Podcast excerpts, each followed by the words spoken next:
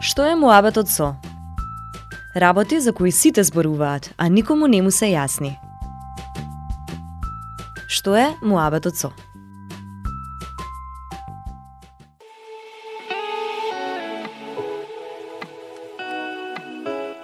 По 19 години од последниот попис на населението и 10 години по неуспешниот обид за попис, Македонија изгледа дека годинава конечно ќе се попише. Пописот веќе започна во затворите ширум земјата, а можност за попишување добија и македонските државјани во странство, преку интернет апликација.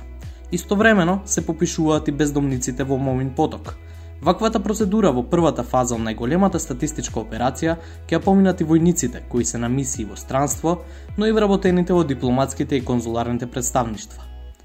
Попишувањето на терен пак за сите останати кои живеат во земјава ќе се одвива од 1 до 21 април. Но, што представува пописот? Зошто е тој важен и кога ќе се преброиме?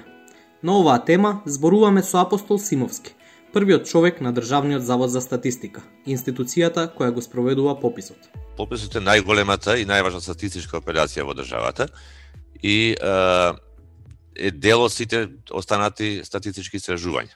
Значи, ја има истата таа функција како и останатите статистички истражувања со тоа што се разликува од другите ја офаќа целата популација. Кога говориме популација, не мислиме само на население, популација се она што ние со, со истражувањето офаќаме.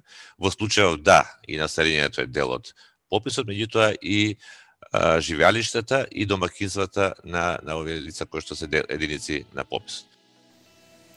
Целта на пописот, како што објаснува и Симовски, е да се соберат интегрирани информации за целокупното население во државата, нивните образовни, културни, етнички карактеристики, но и економските активности. Бенефит од пописот, тој вели дека ќе има секој граѓанин. Но зошто овој процес на попишување е важен? Првиот човек на Државниот завод за статистика потенцира дека за да се креираат било какви развојни политики, потребно е да ги имаме овие информации, односно да се знае за кого се креираат тие политики. Значи, затоа собирање податоци за целокупното население. Треба да знаете е, територијалниот распоред на тоа население. Ако вие сакате на локално ниво да активирате одредени политики, треба да знаете колку луѓе живеат таму, кои се нивните потреби, кои се нивните карактеристики, што имаат, а што им недостасува и тоа што го имаат дали е доволно добро за некакви квалитетни услови за живење. На пописот може да се попишат сите македонски државјани, независно дали се присутни во земјата или се одсутни во странство. Истовремено се попишуваат и лицата кои се присутни во земјата, а кои немаат документи. Тука влегуваат и странските државјани, независно од тоа колку долго престојуваат во земјата, а кои имаат одобрение за престој. Исклучок од попишувањето се странските државјани, односно представниците на дипломатско-конзуларните представништва на другите земји кои се наоѓаат тука. Идентификувањето со етничка припадност во земјава, во регионот и во светот остава простор и луѓето да се идентификуваат како клингонци, фикциони суштества од серијалот Звездени патеки, но и како марсовци. Но, што со нив, влегуваат ли тие во пописот?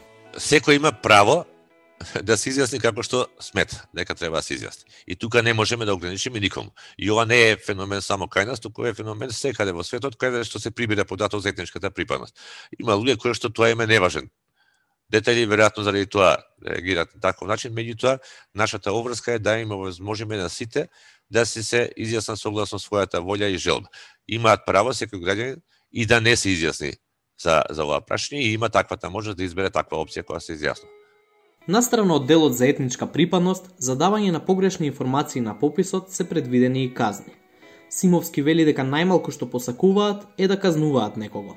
Да не се подразбира дека еве имаме можност и сега ние ќе се пуштиме ќе ќе бидеме полицајци и ќе казнуваме се живо што а, еве дури некојаш и без никаква намера а, погрешило. Значи во принцип кој која се греши со намера. И кога се дават лажни или погрешни податоци со намера, пред се за присутноста и осутноста во земјата. Исто така, Симовски вели дека за кривично дело може да се сметаат и активности со кои се прекршуваат други закони во земјава, а кои не се содржани во законот за попис, како на пример упад во самата апликација за пописот. Процесот на попишување, како што објаснува Симовски, трае не повеќе од две минути по човек, доколку, како што вели попишувачите се добро извежбани. Едно домакинство четврно бидејќи таму има податоци за стани за домакинство, за се не се само лица, некаде од 15 до 20 минути максимум а е, после неколку дена работа на попишувачите кога ќе се уходаат добро, верувам дека и 10 минути ќе бидат сосема доволно. Говорам за едно домакинство 4 члена, а се разбира ако зависи од бројот на членовите тоа Согласно законот, Државниот завод за статистика е обврзан да ги обработи податоците и да излезе со нив во јавноста во рок од 6 месеци. Но Симовски очекува дека тоа ќе се обзнани многу побрзо, односно во текот на месец август. Се до тогаш, остануваме без податоци за тоа колку сме и што сме, во ситуација каква што бевме речеси две децении.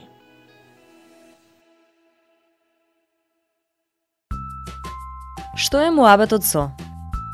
Работи за кои сите зборуваат, а никому не му се јасни. Што е муабетот со?